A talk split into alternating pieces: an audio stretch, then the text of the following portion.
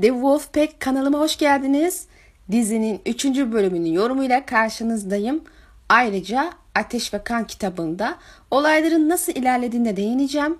Doğrusu bu bölüm ilk iki bölümden daha eğlenceli geldi. Zira hem kılıç oyunlarını hem de tat oyunlarını aynı anda izlediğimiz bir bölüm oldu. Zaten bayağı da yüksek bir puan aldı diye biliyorum. Viserys'in içine düştüğü politik bunalım ve ne yapacağı konusunda bocalaması gibi sahneler hoşuma gitti. Çok kolay empati kurdum kendisiyle. Birkaç senelik atlamamız var ama hala bence sırıtmıyor. Yani çok bir kopukluk oluşturduğunu düşünmüyorum atlamaların. Elbette hani biz biraz da hikayeyi bildiğimiz için de olabilir. Yani okumamışlar için kitabı biraz sıkıntı olabilir bilemiyorum. Birkaç senin atlamanın ardından yeri geldiğince tabii ki de her şeyi değineceğiz. Ama çok sevmeme rağmen gözüme batan şeyler açısından da bir tık daha fazla şey var gibi bu bölümde. Çoğunuz için küçük şeyler aslında belki ama benim gibi ayrıntıda takık bir için göze batıyor. İlk sahne beklediğimiz gibi basamak taşı savaş ile başladı. Drahar'ın Valerion gemilerini yakalayıp mürettebatını işkenceyle öldürdüğünü, yengeçleri yem ettiğini görüyoruz. Onlardan biri de Valerion hanesinin intikam için geleceğini falan söylüyor.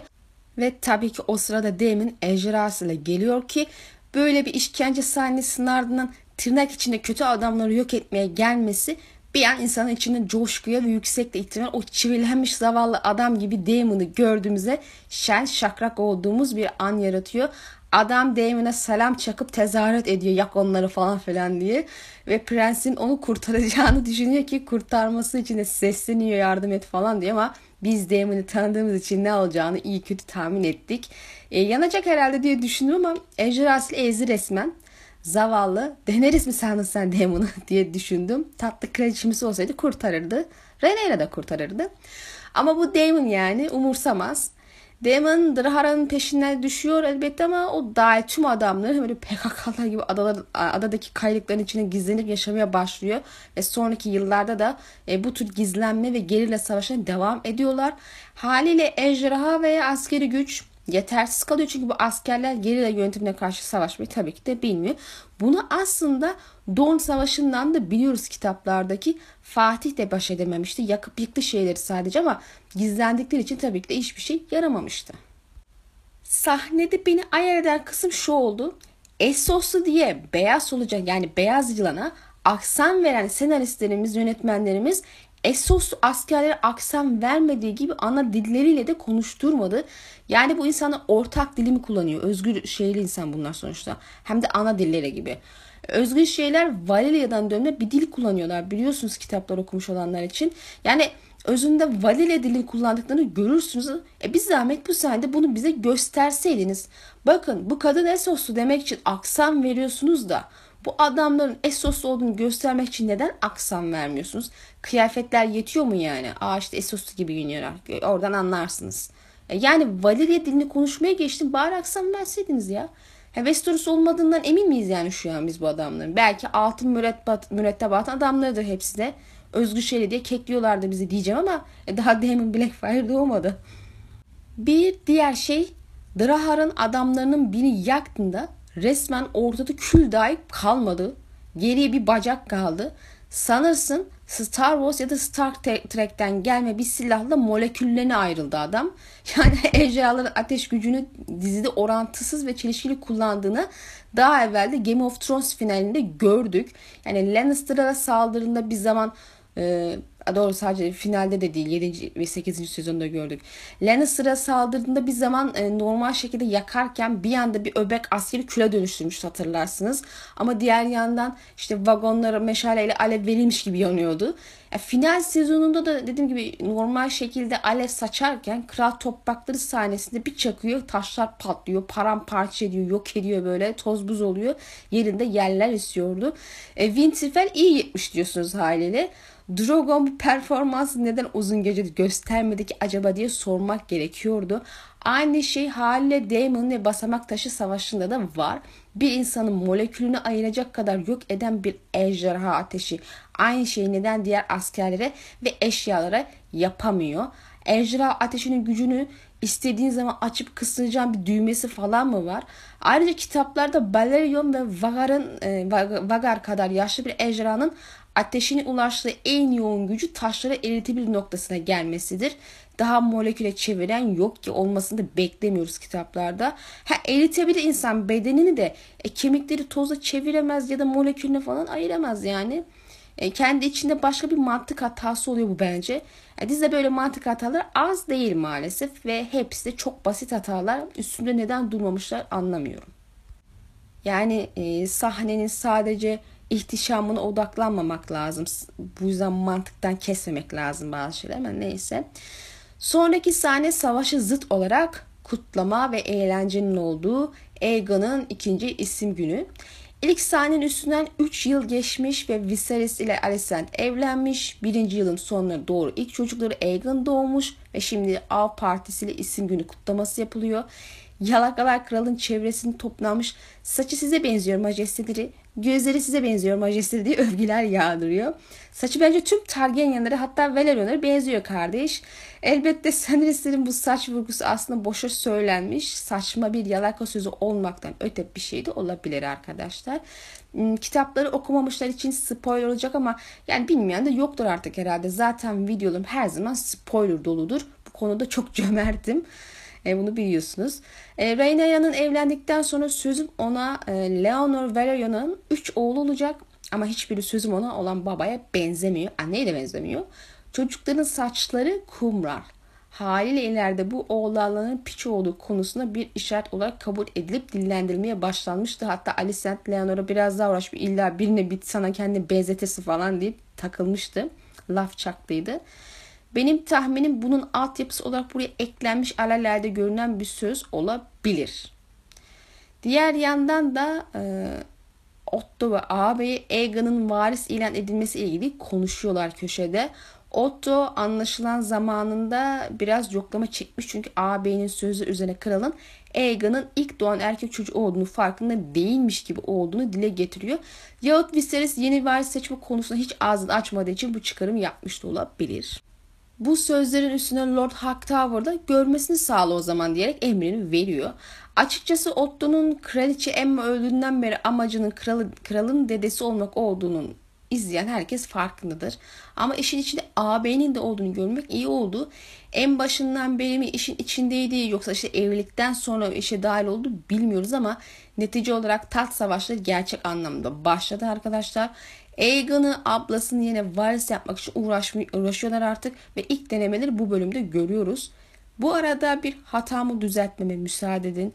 Prensesi yemin eden Lord Hightower Otto'nun ağabeymiş. Babası olduğunu düşünmüştüm. Çünkü adamın ismi o dönemde yaşayan hane üyesi bir şövalyenin adıydı. E, kitapta isimsiz olan bu adama aynı isim vereceklerini düşünmemiştim aynı dönemde. Ama herhalde o şövalyeyi eklemeyecekleri için o ismi buna verdiler diye bir çıkarım yapabiliriz. Benim hatam. Aslında çok rahat fark etmem gereken bir hataydı ama sana tek bir noktaya odaklanmış olmamdan kaynaklı oldu. Neyse artık kusuruma bakmayın.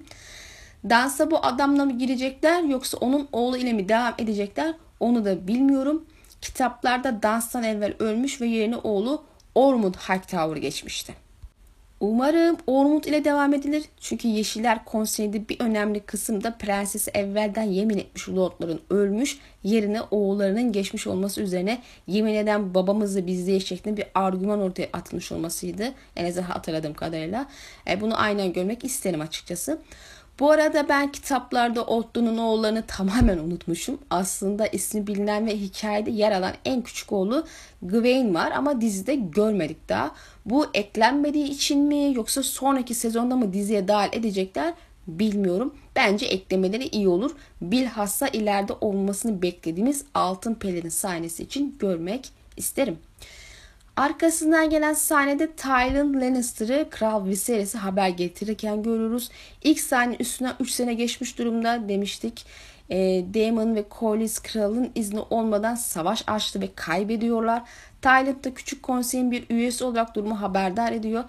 Dizide ne olarak hizmet ettiği söylenmedi ama muhtemelen donanma başı olmalı. E, internetten bakmaya üşendim açıkçası. E, Corlys 3 sene ortadan kaybolmuş sonuçta. Kralın isteğinin aksine bir savaşa girmişken belli ki Kaya'dan haber, Kaya'ya haber gönderip donanma başı yapıldı diye tahmin ediyorum. Kitapta donanma başı zira. Kral haberle ilgilenmiyor. Oldukça ilgisiz ve tavırlı bir hali var ki sebebi kardeşin itaatsizliği. Madem savaşı açtın git kazan yardım bekleme benden tarzında bir boş vermişlik var. Aslında Viserys'in savaşlar konusunda bu tavrı beni de rahatsız ediyor. Tamam savaş mecbur kalmadıkça kötü bir şeydir ama dizideki duruma bakarsak da e, Corlys haklı gibi. Gerçi haklı olduğuna ve üçlü ittifak tarafından desteklendiğine dair açık hiçbir şey görmedik. Sadece 3 sene boyunca savaşacak adama hala sahip olması ittifak tarafından gönderilmiş olabilecek sonucu doğuruyor veya zaten çok da önemli değil deyip geçtiler. E, kaldı ki Corliss özgür şehir meselesinde haksız dahi olsa e, bu korsan gele, korsanlar gelen geçen gemilere saldırıp yağmalayarak ciddi bir tehdit olmuş, zarar uğratmışlar Westeros'u ve sessiz kalarak Viserys'e krallığını zayıf göstermekten başka bir şey yapmıyor. Sadece karşıyı cesaret, cesaretlendirip daha fazla cüretkar olmasını teşvik ediyor bu haliyle. E, kitaplarda da bahsedilen bir ayrıntı dizide de eklenmiş misal Lord Swan'ın yeğeni Joanna Swan esir edilmiş ve bir genel eve satılmış. E, insanlar kadar musal oluyorlar ise ses etmemek kifayetsizlik işaretidir. İnsan böyle algılar yani. Bu arada Thailand'ın kendisini gördüğüme memnun oldum. E sonunda dansın oyuncuları bir bir görünüyor ki içimi böyle kıpır kıpır eden şeyler bunlar. Yani olacakları adım adım biliyoruz. Yani kitap okumuşlar için ve kimin ne olacağını biliyoruz ama dizide herkes bundan habersiz hikaye girmeye başlıyor. E bu süreci bilmek ve izlemek eğlenceli olacak. Ağabeyinin aksine Tyrant, Tyrant oldukça iyi bir karakter diye düşünüyorum. Ben severim yani en azından. Yani kitaplarda öyleydi.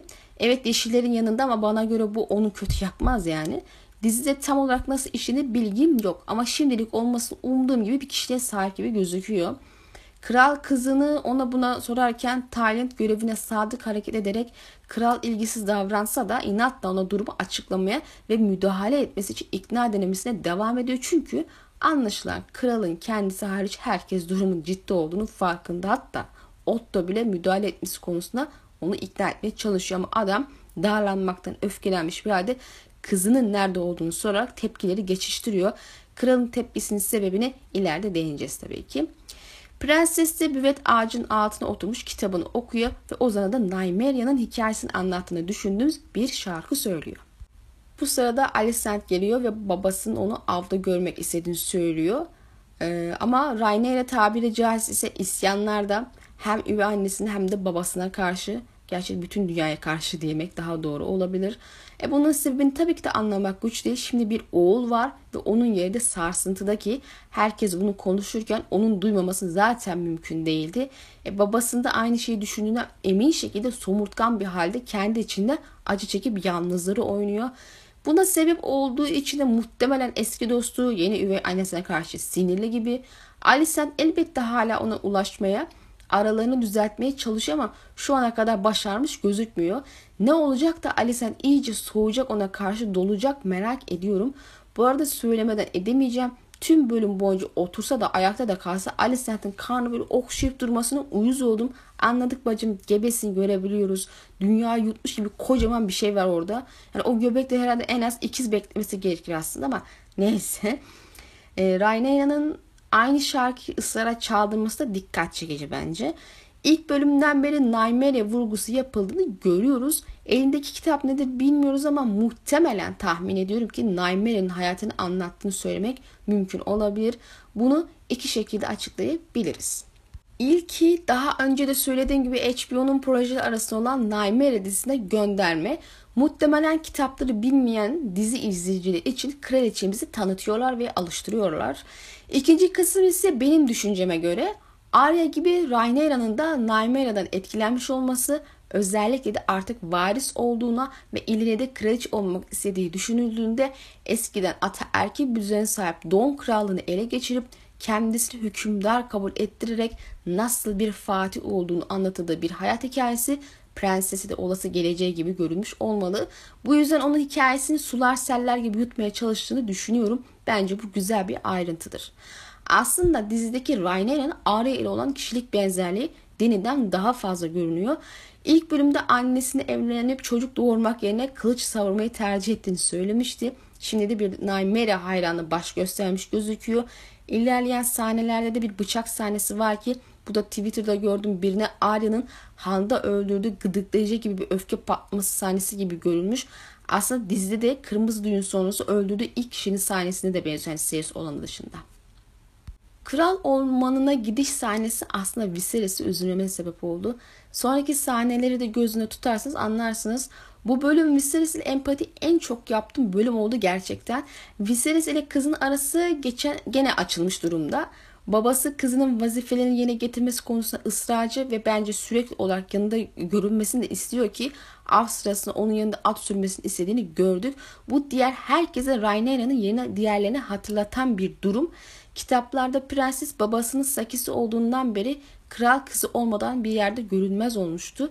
Anlaşılan dizide prensesin asi ergen tavırı babasının yapmaya çalıştığı şeyleri görmesine engel olduğu gibi onun işlerini de zorlaştırıyor.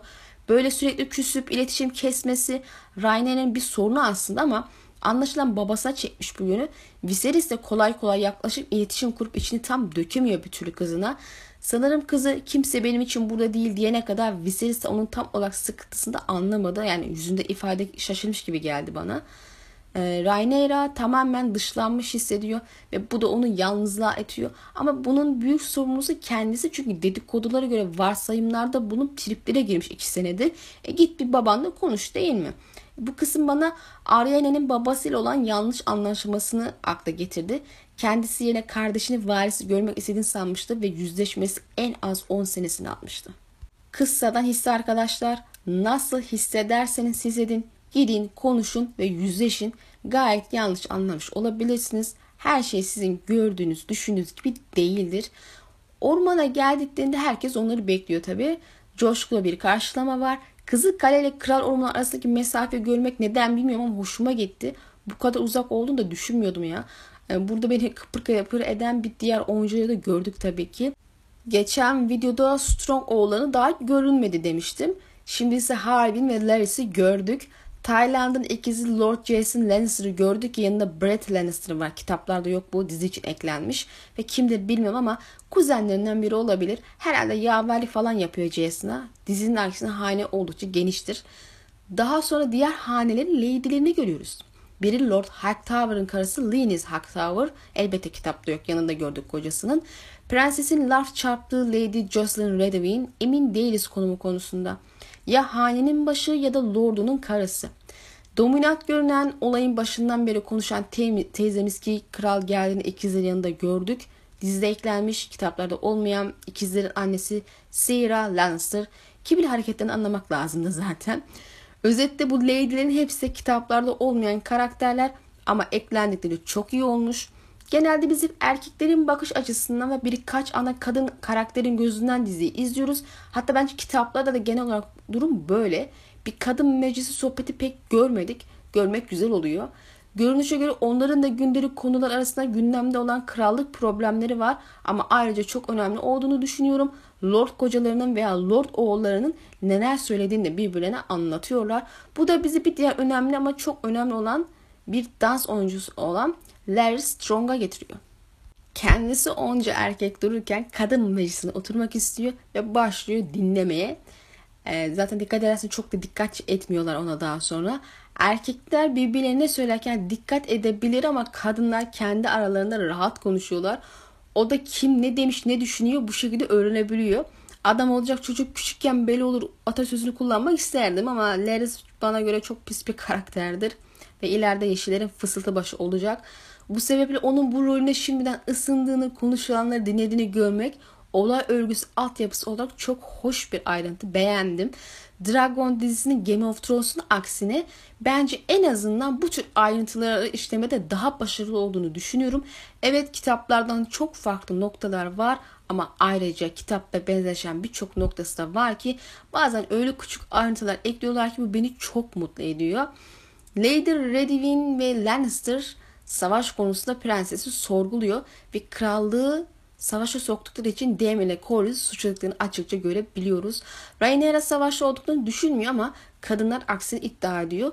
Bu kadınların önemli bir ortak özelliği var ki o da bu üçünün de ileride yeşilleri destekleyecek hanelere mensup olması arkadaşlar. Yani biz burada basit bir kadın sohbeti de görmüyoruz. Bu üç ailenin Daemon'dan ve kralla açlı beladan nasıl hoşnut olduğunu görüyoruz ki ileride yeşilleri desteklediklerinde sebebini sorgulamayız herhalde.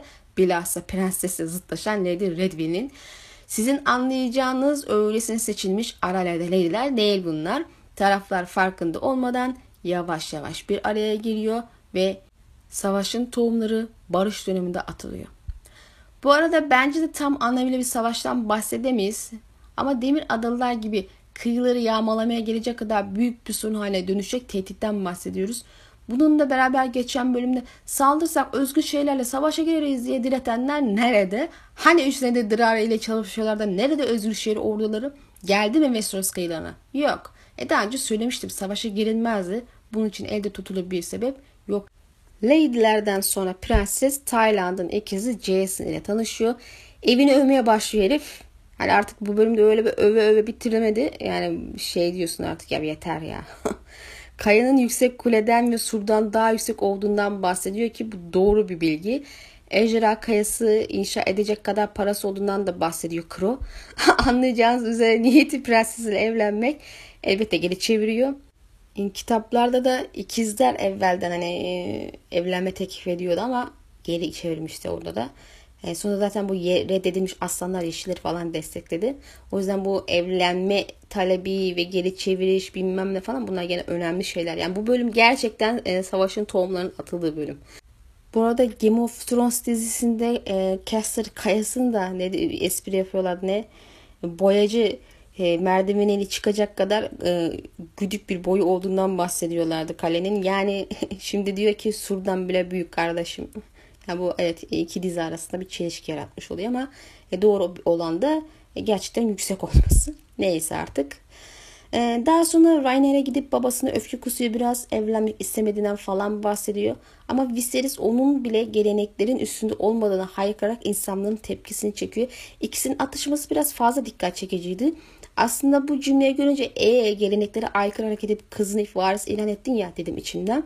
Evlilik konusunda gayet ağırlığını koyabilir herhalde değil mi? Elbette Viserys'in derdi başka. Adam kızını korumaya çalışıyor ama bizim ergen prensesin kafası başka çalışıyor. Hani kusura bakmayın Kral Viserys'e savaş dışında hiçbir konuda eleştiri getirilmesine izin vermem bu bölümde. Ee, bu arada Rainer'e Jason için küstah ve ciddi biri falan dediğinde babasının ikinizin ortak yan olduğunu düşünmüştür diye laf çarpması komime gitti. Game of Thrones bölüm içeriğinde söylediğine göre evlenmeyi istememe sebeplerinden biri de e, babasının onu Aegon ile değiştirmeye fırsat vermek istememesiymiş. Fragmanlarda gördüğümüz at binme sahnesini görürüz daha sonra. Kral ormanında bir anlık öfkeyle uzaklaşma isteyen kızımızın ardına kol düşüyor ve dertleşiyorlar. Hatta evlenme meselesi açılıp kol öldüreyim mi diye bir şaka da yapıyor. E, Beyaz Prens'i öldürür müydü sizce? E, Jason bir kazaya kurban gider miydi? Ama neticede böyle şeyler olur. E, Rainer'e evliliği satış olarak görüyorum ama ben bunu iki yönden hep itiraz ediyorum ya. İlki kendi hikayesi içinde politik evlilikleri alım satım gibi görmenin fazla basit ve sığ bir bakış açısı olduğunu düşünüyorum. E bu olayın tek yönü olduğunu düşünmek bence saçma. E sen satılıyorsan madem diğeri de satılıyordur. Neticede erkek tarafı da aşk evliliği yapmıyor ama politik evlilikler mantık evliliğine girer ve iki tarafın da birbirine verebileceği bir şeyler olduğu için uygun görülen evliliklerdir. Bu yanlış değildir. Satış hiç iyi değildir. O zaman bunca e, mantık evliliği yapanlar birbirini birbirine mi satmış oluyor yani? Ha tabii ki iş gönüllü olmalı. E, Rainer'e gönüllü değil. Zorlamak doğru değil. Evet bu açıdan bakarsak kızın bu bakış açısı çok şaşırtıcı olmayabilir. E, diğer itiraz noktam senaryo olarak bir klişe olması bunun. Yani hep böyle bir direnç itiraz ederler ve olayı satmak gibi lanse ederler. Ya aşalım şu bayat klişeleri bence. Biraz daha farklı işleyelim artık. Gerçi muhtemelen buradan da Daenerys ile bir bağlantı kurmak isteder hikaye açısından. Çünkü o da evliliğini bir alım satım iş olarak görmüştü ki e, haksız da değildi. AB gerçekten de öyle bir mantıklı hareket edip ifadeler kullandı, kullanmıştı diye hatırlıyorum. Lakin Rainer'in durumu bence ondan çok daha farklı. Prenses gücüm yok dişlerim yok falan dedikten sonra kol kendi konumunu ve kol olarak yükselebileceği en üst noktaya geldiğini ve bunu sağlayanın kendisi olduğunu hatırlatarak dişsiz olduğunu söylemezdim diyerek bir özgüven aşılaması yapıyor kızımıza. Yani bu oğlunu kendi düşman edecek ne yapacaksın alık kız diye sormadan edemiyorum. İşin ironik yanı zaten gerçekten kolu bu konuma getiren kendisi dizide. Bu da ileride pişmanlık duyacağı bir şey şüphesiz çünkü başına çok büyük bela olacak. Bu arada bir beyaz ala geyik muhabbetimiz var. Ormanın kral olarak görülen beyaz bir erkek geyin Aegon'un ikinci isim günde ortaya çıkması Otto başta olmak üzere lordlar tarafından ilk oğlun e, hükümdarlığına dair işaret olarak yorumlanıyor. Öyle görünüyor. İzini sürüyorlar ama bulamıyorlar. Onun yerine normal bir geyik bulunuyor. Bağlanıyor ve işte kral Jason Lannister'ın hediye verdiği mızrakla geyiği öldürüyor. E, burada e, Martin Game of Thrones'ta böyle Robert'ın avlanma sahnesinden nefret etmişti. Çünkü kral öyle üç kişiyle avlamaya gitmez kardeşim demişti. Sanırım e, bu dizideki avlanma sahnesi onu, onu bayağı mutlu etmiştir düşünüyorum. E, Game of Thrones kanalında yayınlanan bölüm içinde izledim. E, orada Viserys'in varislik seçimi konusunda doğru mu yaptığı konusunda kendini sorguladığı ve bu geyin görüldüğü haberini bu sebeple çok hoş karşılamadığını öğreniyoruz. Meselelerde sıkıntılı görünme sebebi bu. Beyaz geyik yine kahverengi yakalanınca rahatlıyormuş ama biraz da hayal kırıklığı hissi varmış. E diğer yandan hükümdarlık alameti diye görülen beyaz geyik de bölüm sonlarına doğru bizim Rhaenyra'ya görünüyor. Kol öldürmek istese de merhamet gösterip gitmesine izin veriyor. Şahsen ben de öldüremezdim böyle harika bir canlı herhalde aslında alıp götürse konumu bence sağlamlaşırdı. Hani herkes böyle görüyor ya böyle hükümdarlık alameti falan. Ve o da bence bunu biliyor ama yine de yapmamayı seçiyor. Küçük Rainer'e sempati duyduğum bir karakter ama muhtemelen büyüdüğünde alakası olmayacak çocukluğuyla. Bu arada ana seri kitaplarda da bu beyaz geyikle ilgili bir şeyler vardı. Robert Gay'in görüldüğünü duyunca Joffrey daha birçok kişi alıp ormana gitmişti. Hatta Sansa'da görmediği rüyayı gördüğünü söyleyerek Joffrey'nin geyi yakalayacağını söyledi. Çünkü o öyle görmüş sözde. O hak ediyormuş. E, bunun olayı bu tür geyiklerin ender olması ve alamet kabul edilmesi Orta Çağ Avrupa'sında hatta büyülü gibi algılanması hak eden hükümler yakalar vesaire tarzında bir psikolojili var diyelim. Bulamadılar elbette onun yeni domuzu buldular.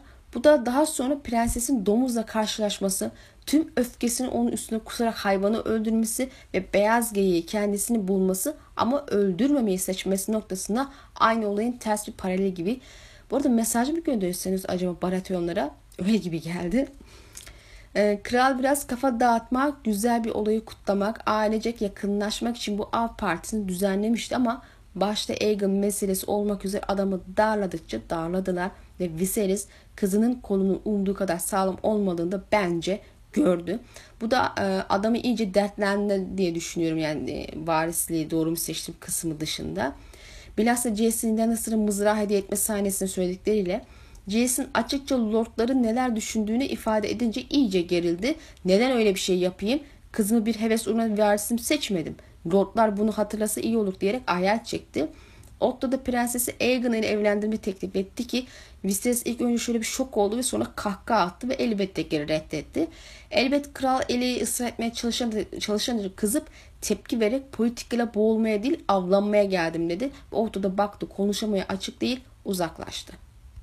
Otto muhtemelen Damon'ı bertaraf ettiği gibi Rhaenyra'nın da tehdit olarak ortadan kaldırması için en iyi yolun Aegon'u evlendirmek olduğunu düşündü.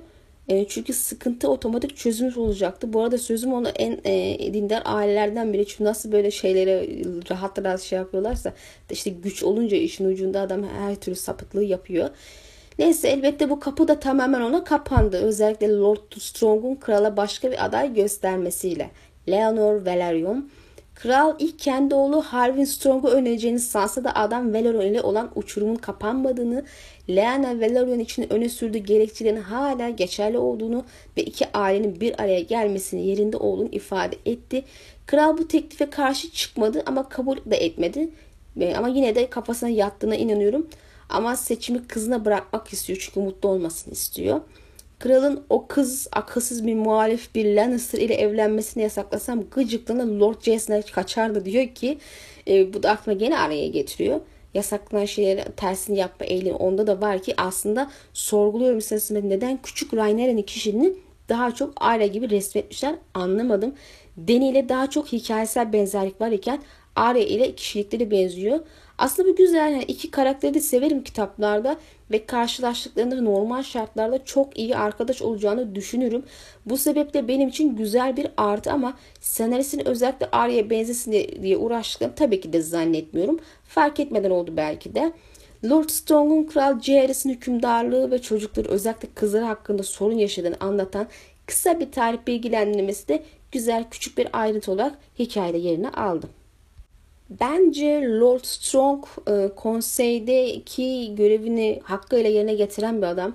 Kralın ve kral, krallığının iyiliğini, çıkarlarını düşünen tek kişi olduğunu düşünüyorum o konseyde. Ona faydalı ve dürüst tavsiyeler verdiği gibi bir çıkar peşinde, güç peşinde görünmüyor. En azından hepsinden çok daha samimi geliyor. Bir de Otto gittikten sonra kralın ruh halini yansıttıkları o kısa an çok güzel seçilmiş. Yani yerinde olmak istemezdim onu izlerken. E, etrafı güç isteyen akrabalarla dolu diye düşünüyorsunuz. Kral üzgün, kızgın ve dertli ve diğer herkes kahkaha atıyor, neşeli ve mutlu. Yani bunu gösterme şekli güzeldi. O an Viserys çok yalnız gözüküyordu ve ben bunu hissedebiliyordunuz. Baba kız sandığından daha fazla benziyor birbirine. İkisi de yalnız ama bence prenses bu yalnızlığı kendi yaratırken iletişimsizlik yüzünden Viserys'in konumunun getirdiği doğal bir sonuç. Kimse onu anlamıyor. Kendi kızı bile. Adama bu bölüm için çok üzüldüm demiştim. Hala üzülüyorum. Elbette bu sahne onun varislik meselesini sorguladığı, dertlendiği ve sebep olduklarıyla kendi kendini yediği bir an. Sebepleri bir sonraki sahnede. Kralın büyük ateşin başında olduğu sahne Alicent ile şenlik ateşiymiş. Ben Emma sanmışım. ilk bölümde görünür diye ummuştum ama her hamileye Emma sanmamak lazımmış işte. Viserys ailesinde birçok ejderha sürücüsü olduğunu ama çok azının rüyacı olduğunu varisle ilgili rüyayı gördüğünde kendisinin de rüyacı olduğunu sanması hatta umması ile ilgili bir itiraf yapıyor.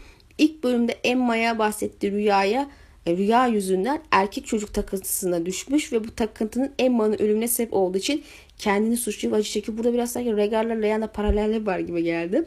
E, ve tabi Elia. E, kızına bu suçlu ve yanlışı düzeltmek için bir çıkış yolu görmüş evleneceğini, oğul sahibi olacağını hiç düşünmediğini ama şimdi de bir oğul olduğunu ve yanılıp yanılmadığını sorgulamaya başlamış. Yani bir şeyleri düzeltirken daha beter edip etmediğini sorguluyor anladığım kadarıyla. E, geyiğin bulunduğu haberini veren boru çalınca da iyice keyif kaçıyor aslında. Fakat sonraki sahnelerde de beyaz geyik yerine normal geyiği yakaladıklarında da rahatlama sebebi yanılmadığım düşüncesi anladığım kadarıyla. Çünkü o da onu bir işaret olarak e, kabul ediyordu. Daha sonra Rhaenyra'yı öldürdüğü domuzla kan revan içinde kampa dönerken görüyoruz. Babası ve Otto öylece bakıyor söyleyecek bir şey bulamıyorlar.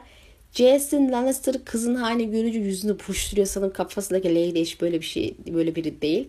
Diğer yandan Harwin Strong prensesi görünce halinden gayet hoşnut olmuş bir şekilde kıza gülüyor ve başıyla selamlayarak takdir ettiğini gösteriyor ama bizimki de pas vermiyor arkadaşlar. İleride verecek, ileride verecek. Lakin onun için muhtemelen 5. bölümden sonraki 10 senelik atlamayı beklemek gerekiyor. Bu sahne bence biraz da prensesin lordlara ve lady'lere görüyorsunuz gerektiğinde elimi kana bulamaktan çekinmiyorum der gibi olmuş bence. Başkente döndüklerinde Otto kızını Aegon'un valisi konusunda zehirlemeye başlar ve Viserys'i bu konuda etkilemesini söyler.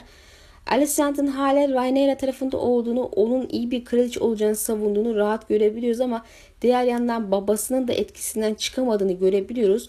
Doğruca kocasının yanına giderek konuyu didiklemek istiyor ama konuyu açamıyor elbette belki o an işine de geliyordu bilmiyorum.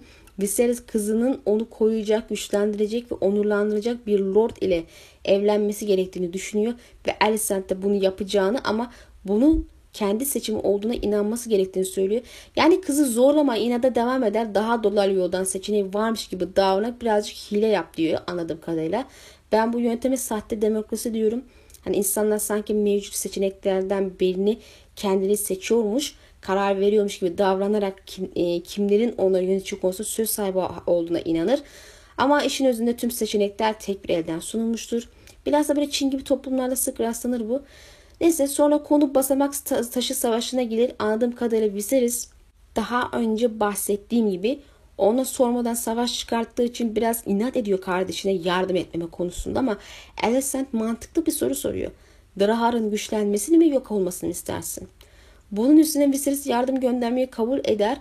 Bu arada söylemem gerekir ki şu ana kadar Alicent'in e, kocası üstüne etkisi çok olumlu yönde ve onu iyi şeylere ikna edip güzel tavsiyeler veriyor.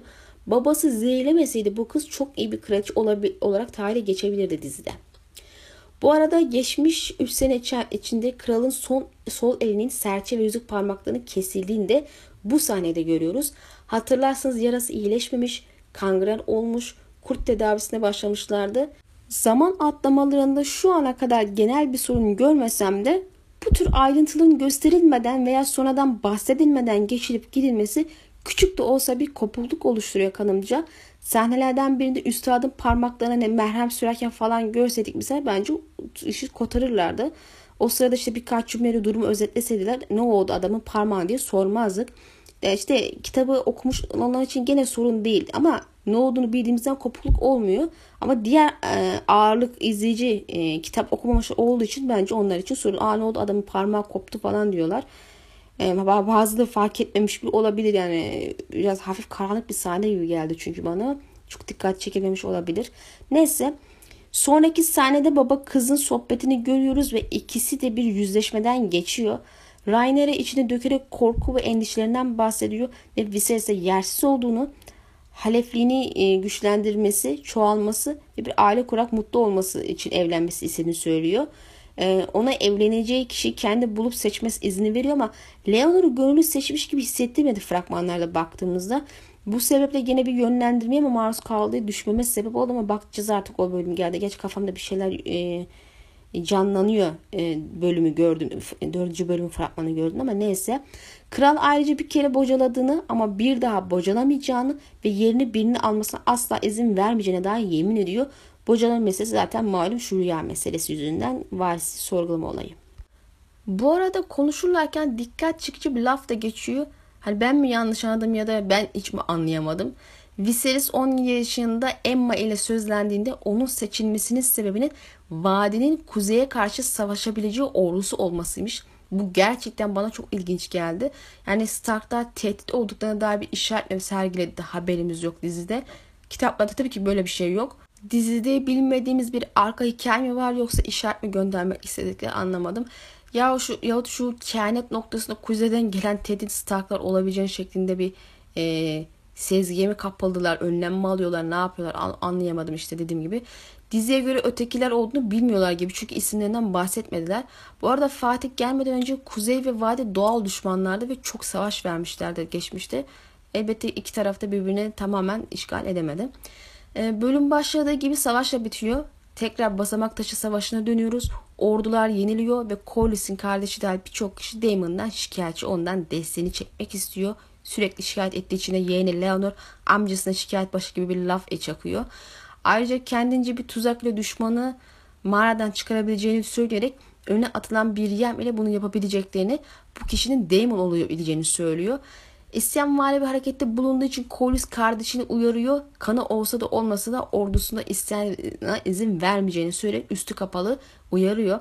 Daemon geliyor. Morali aşırı bozuk, gergin ve sonra Viserys'ten gelen haberci de mektubu getiriyor. Bizim serseri prens buna çok öfkeleniyor. Adamı miğferiyle böyle dövmeye başlıyor. Burada bir duralım. Leonor kitaplarda silik bir tip. Böyle kısa bir e, varlığı var kitapta. Yani çok bir şey yapmış gözükmüyor.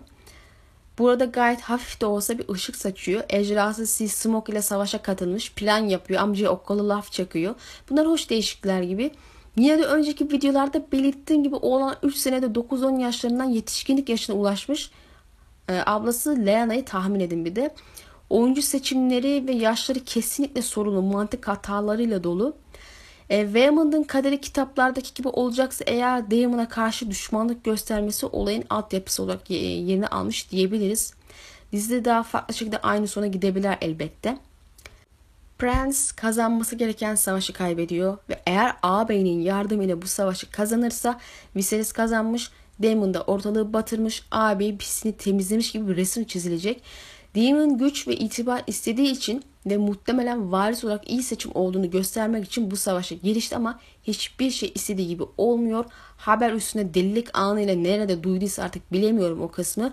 Leon'ların planladığı gibi tek başına adaya gidiyor ve sanki teslim oluyormuş gibi yapıyor. Bu sırada da elbette düşman mağaradan çıkıyor. Daemon elbette saldırıyor ve Drahar bütün adamları üstüne salıyor.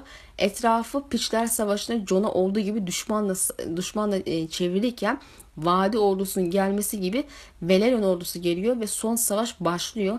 Bu şekilde Essoslar kaybetmeye başlıyor. Drahar mağaraya kaçarken Daemon'u görüp arkasından gidiyor ve sonra yarısı kesik bedenini alıp getiriyor. Üstü başı böyle kan revan içinde tabii ki. İkisinin savaşını göstermiyorlar, kesmişler. Netice olarak savaşı Daemon kazanıyor. Bu savaş aslında Game of Thrones'un Pişler Savaşı'nda Jon Snow'a öyle çok benzer noktalara sahip. İkisi de ok yağmuruna tutuldu ama ölümcül bir darbe almadılar. İkisi de düşman tarafından çevresi sarıldığında tam ölür dendiğinde başka bir ordu yardımına yetişti. İkisi de ana düşmanlarını kaçarken görünce peşinden tak peşine takıldı ve dövüşerek onları yendi. Daemon öldürdü elbette. Ve ikisinin de yüzü başı böyle kan revan çamur içindeydi. Ya ortada gerçi savaşta da olacak artık bu. Matt Smith Damon için o an öleceksem öleyim düşüncesiyle saldırdığını söylüyor. Yani intihar görevine gittiğini açıkça ifade ediyor. Yönetmenler savaşı kazanmasını Damon'ın yeniden doğuşu olarak e, yorumluyor. Buraya kadar güzel ama asıl sorun taktiğin çok salakça olması. Yani Leonor'un önceden planıymış gibi anlatıp sonra Damon'ın işin özünde planı duymadan kendi kafasında yeniden planlayarak uygulamasını mantıklaştırmaya çalışmışlar gibi ama, ama ne fark eder saçma sapan bir durum var ortada. Pişler Savaşı da ihtişam olarak iyiydi ama o, o da taktik o, o konusunda tam bir dandirikti. Mantıksızdı ve saçmaydı. Damon önemli bir yem doğru ama aklı başında bir düşman neden onca orduyu tek bir adamın üstüne salsın? Bu kadar mı tehlikeli bir adam ki? Bunda mantık nedir? Hani bu kadar salak ise bu adam 3 sene boyunca nasıl direnmiş bunlara? Bir de bunu 3 sene sonra mı ancak akıl edebildiniz bu planı? Yani çok mu zor bir plan bu? Misal neden ordularınızı mağaraya sokmadınız? Ya ne bileyim bir şekilde neden lanet ejderhaları kullanarak mağaraların giriş çıkışlarını engellemediniz? Adamın molekülleri ayırıyordu gördük. Mağara ağzını kapatamıyor mu? Yıkamıyor mu onca kaya ve taşı? Ya içeride kitlersen bu adamın zaten aşktan geberip gidecek. Köstebek gibi kazıp çıkması şansları pek var diyemem ama hadi olsun pusu kur çıkan olursa gebert işte. Bu üstün körü aklıma gelen ilk şey yani. Daha düşünsem belki daha başka şeyler bulabilirim. Bir de o kötü anında e, ejderhasının durumunu hissedip yardım gelmesini beklerdim Damon'a. Bazı ejderha bağları o kadar güçlüdür ki kıtalar arasında bir hisseder sürücüsünü. Karaksiz orası sırada ne yapıyordu acaba? Dinleniyor muydu? Bir de hayvana zeki diyorlar ya bu ejderhalara. Sanırım Leonor uçarken göstermek için yaptılar ama ikisi de mümkündü yani. Ve evet fragmanda gördüğümüz Leonor'ymuş ya. Nedense aklıma o gelmedi o sırada. O kadar silik bir karakterdi kitaplarda işte düşünün. Bir de Drahar dövüşü neden gösterilmedi? Adamın hikayesini göremedik. Vücudu neden öyle? Adam biraz acınası göründü gözümü. Arkasındaki hikayeyi merak etmiştim. Game of Thrones Gece Kralı'nın insan versiyonu gibi göründü, konuşmadı ve tak diye öldü. Ama ölümünü bile göremedik. John ile Night King'i savaştırmamışlar da Daemon ile dövüşünü göstermediler Drahar ile. Pislik olsun diye mi yapıyorlar acaba ya merak ediyorum. Şimdi hiçbir ilginç yanı kalmadı bu karakterin. Kitaptaki daha iyiydi diyor. Ne gerek vardı değiştirmeye adamı. Bunlar önemli sahneler. Böyle gizem yaratmak istediniz tamam. Ama günün sonunda gizem kalkmalı. Bu adam hakkında artık her şeyi öğrenmemiz lazım. İyi kötü en azından. Yani savaş e, beklenen bir andı. Ama en eklenmesi gereken şeyi göstermediler. Leon'un ejderha bilmesini kimse beklemiyordu yani. Umurumuzda onu görmek. Çok büyük hatalar artık bunlar arkadaşlar. Minik şeyler de değil. Açılış güzeldi ama son savaş kesinlikle beklentimin altında kaldı. Gene bazı açılardan güzeldi elbette ama e işte denecek bir düzeyde muazzam diyemem. Yani Pişlerin Savaşı bu konuda daha iyiydi. Şimdi sıra Ateş ve Kan kitabına geldi. Aslında bu bölüm e, çok uzun olmayacak. Kısa kısa geçmeye çalışacağım. Çünkü üçü bölümde gerçekleşen savaş dışında olan şeyler dizi eklemesiydi. E, biz de ilk savaşla başlayalım. Üçlü ittifakın ordularına Mire bir prens amiral olan Drahar'ın liderlik ettiğini söylemiştik daha önceki videoda. Aç gözlükleri artınca fahiş geç ücretleri ve yağmalama işlerine girişmişlerdi ki bu da artık Westeroslular için bir sorun haline gelmişti. Gizlenerek yaşıyorlardı falan. Öyle ki dizide bahseden Lady Joanna Swan kaçırılmış cimri amcası fide ödemeyi reddedince de genel havaya satılmıştı. Orada da Karaku ismini ünlenmiş ve Liz'in asıl yöneticisi olarak nam salmıştı. Aslında bundan ilginç bir hikaye çıkarabilir Martin isterse. Neyse artık. Bu sebeple bu adamlardan en çok zarar gören Corlys Damon ile anlaşıp savaşmaya karar veriyor. Savaş 106 yılında başlıyor. Krallığın asker desteğinden mahrum oldukları için Damon ikinci oğullar ve yurtsuz maceracılar isimli paralı askerlikler birlikler kiralıyor. Savaşın ilk iki yılında birçok zafer kazanıyor ama kitapta ayrıntı verilmiyor elbette. En sonunda 108 yılında Drahar ile karşı karşıya geliyor ve onunla yaptığı dövüşün sonunda kellesini koltuğa veriyor. Gördüğünüz gibi dizinin aksine Damon kayıpları falan oynamıyor. Aksine zaferler kazanıyor. Ama şüphesiz kayıpları da olmuş olmalı. Yok, yoksa iki sene sürmezdi. Çoktan kazanırdı. E, Kral Viserys ise gene dizinin aksine Damon'ın eyleminden hiç de rahatsız değil. Aksine çok mutlu arkadaşlar. Çünkü kardeşi baş ağrısı olduğu için onu oyalayacak bir savaş işine geliyor. Ve iki sene boyunca da altın göndererek savaşı finanse edip destekliyor. Bırakın Damon savaşa ilgilensin böylece sorun çıkarmaz demiş. Drahar'ın ölümü basamak taşı savaşını sonlandırmıyor yani. Kesin bir zaferden söz edemiyoruz. 109 yılına gelinle Daemon ve paralı birlikleri iki ada dışında basamak taşını ele geçirmiştir. Corlys de Filolori ile arasındaki suların, suların hakimiyetini tamamen ele geçirmiştir. Bu zafer sarhoşluğunda Daemon kendini basamak taşı ve dar denizin kralı ilan ediyor. Corlys de başına tacını koyan kişidir. Bu neden yaptığını merak etmişimdir Corlys'in. O da çok az hırsız bir adam değil yani. Belki de Viserys gibi onun da Daemon'ın kendini oyalayacağı bir şey bulması işine geliyordur. Eğer bir krallığı olursa ileride tahta yaklaşmasına engel olarak önüne, önüne çıkmayacağını düşünmüş olabilir. Durum her ne olursa olsun ertesi yıl üçlü yönetim e, Rakalio Rindun isminde oldukça ünlü bir kalpaz olan Tayroşlu Kurnaz Kaptan liderliğinde yeni bir kuvvet gönderiyor ve Dorn üçlü ittifakın yanında savaşa dahil oldu. Yani savaş devam etmekte kalmadı. Bir de düşman arasına Kuren Martel katılmış oldu. Ee, tahminim o ki özgür şeyler ses etmeyip savaş olurken de sessiz kalırken şimdi savaşa girmesinin sebebi Daemon'un üstünlük kazanıp hakimiyet sağlaması. E, neticede Targaryen hanesi onların düşmanı ve rakipleri ihtilaflı toprakla ele geçirme boşuna gitmemiş olmalı.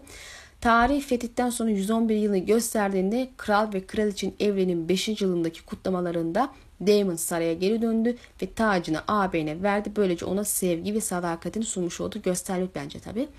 Viserys onu hoş karşılamış tacını geri vermiştir.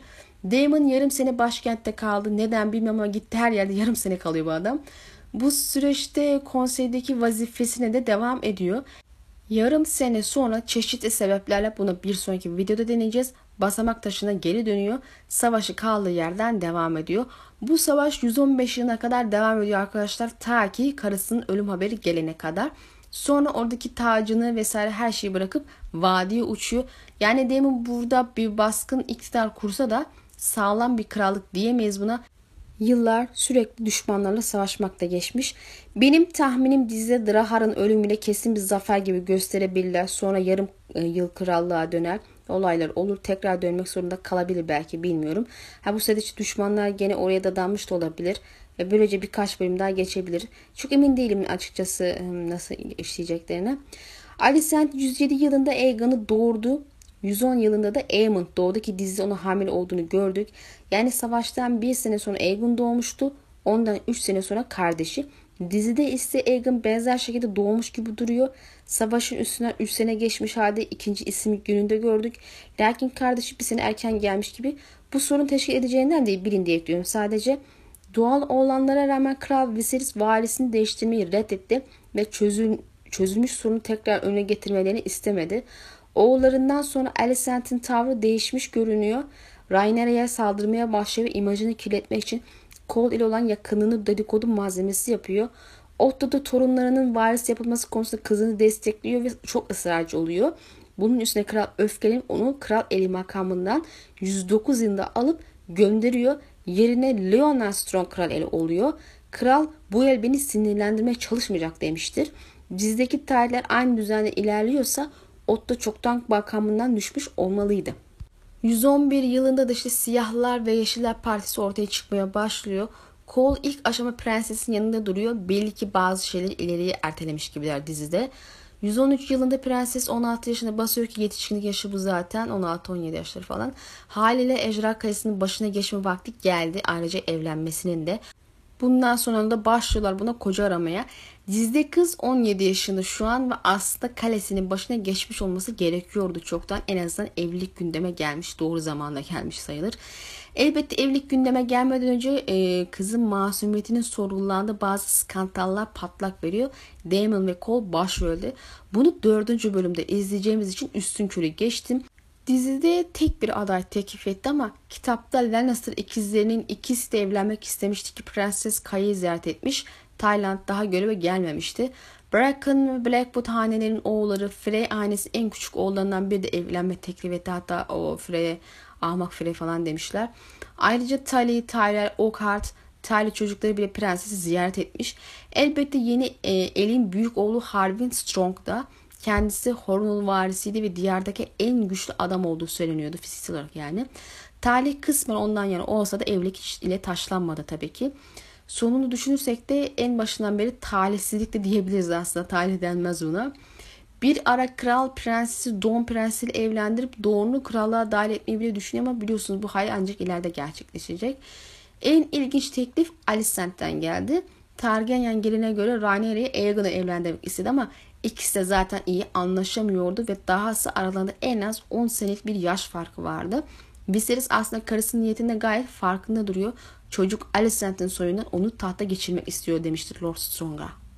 Dizide bu teklifi Otto yapmış gibi gösterdiler ve beklendiği gibi anında reddedildi. Kitapta da reddedildi tabii ki. Yalnız 6 yaşında bir çocukla 16 yaşındaki yetişkin bir kız nasıl anlaşamaz anlamadım. Anlaşamayacak kadar bir yakın bir ilişki beklemem ama neyse artık. Kral ve konsey bu koca meclisini tartıştıklarında Leonor'da karar kıldılar. Kendisi o zaman 19 yaşındaydı. Dizide yaş kaç bilmem ama 19 deseniz inanırım ama mantıken prensesten çok daha küçük olmalı. Çünkü öyle gösterdiler dizide. Ama şimdi olması gerektiği gibi prenses ondan daha küçük gözüküyor. Ee, prensesin bu karara hoş tepki vermediğini söylemekte yetinelim. Yayımlanmış fotoğraflar ve geçmiş e, fragman bunu anlatmaya yetmiştir zaten. Geriye kalan son iki unsur da Veemont Velaryon ve kralın parmaklarının kesilmesiyle ilgili. Viserys'in parmaklarının kesilmesi torunlarının doğumundan çok sonra yaşlanıp tombulaştıktan sonra gerçekleşiyor. Tahta tırmanmakta bile zorlandığı bir dönemdir. Corlys hastalandığında oğlu öldüğü için kimin varis olacağı konusunda tartışılmaya başlandı ve en önde gelen talipli Vaemond Velaryon oldu. Kendisi dizinin aksine yeğen, yeğenidir. Ee, erkek kardeşi değil. Adamın zaten yarım düzene yeğeni vardır. En büyükleri bu. Mantıken sözüm ona Leonor'un oğulları olduğu için Rainer'in çocukları varis olmalıdır ama Vehement bu çocuklar Strong'un pişleri deyip itiraz edince Prenses Daemon'u gönderir, kellesini alır ve Cyrex'e yedirirler. Onun çoluğu çocuğu kaçıp başkente gidip krala durumu anlatır. Kral da buna öfkelenip hepsinin dilini kesilmesini emretti. Tahttan inerken dengesini kaybeder düşer. Düşerken de tahttaki kılıçlardan bir sol elini kemiğine kadar kesiyor. Böylece Üstad Melos yarayı tedavi etmeye falan çalışsa tabii ki işe yaramıyor ve Viserys ateşleniyor. Herkes kralın ölmesine endişe ederken Prenses Ejderha Kayası'ndan kendi üstad ile giriyor ve üstad e, Gerardis kralın iki parmağını keserek onu kurtarır. Ondan sonra bu kaza onu zayıflatır ama hayatı tutar bir daha tahtta oturmaz işleri odasından idare eder. Üstad Melos ölünce de prenses makama kendi üstadını getirmek ister ama Alicent adamın yok yere parmaklarını kestiğini söyleyerek Melos'u kralı ve parmaklarını kurtarabileceğini iddia ederek prensesin üstadını istemez ve yerine yüksek kulede hizmet eden üstad Alfador'u ister. Olaya makamlara şimdiden kendi adamlarını doldurma çabası olarak bakabilirsiniz. Lakin büyük üstad makamını seçen tat değil hisardır. Onlar da Orwell'i gönderdi. Haliyle dizide bu parmak durumu bayağı değiştirilmiş durumda. Çok daha erken gerçekleşti ve kesen belli ki Üstad Mellos dizide. Weymouth meselesini nasıl kotaracaklar bilmiyorum. Damon ve Rhaenyra Corlys'in kardeşini öldürürlerse onları desteklemesi için bir sebep görmüyorum. Akbaba bir yeğen başka bir şey, kardeş başka bir şey. Belki de Weymouth ileride Corlys'in bile sırtına döneceği kadar büyük bir ihanet gerçekleştirebilir ya ölümü başka kişilerin elinden de olabilir. Zamanı gelince öğreneceğiz artık.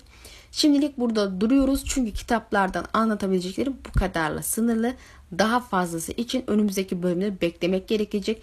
İnşallah videoyu beğenmişsinizdir. Yorum yazmayı ve paylaşmayı lütfen unutmayın. Sonraki hafta görüşmek dileğiyle Allah'a emanet olun.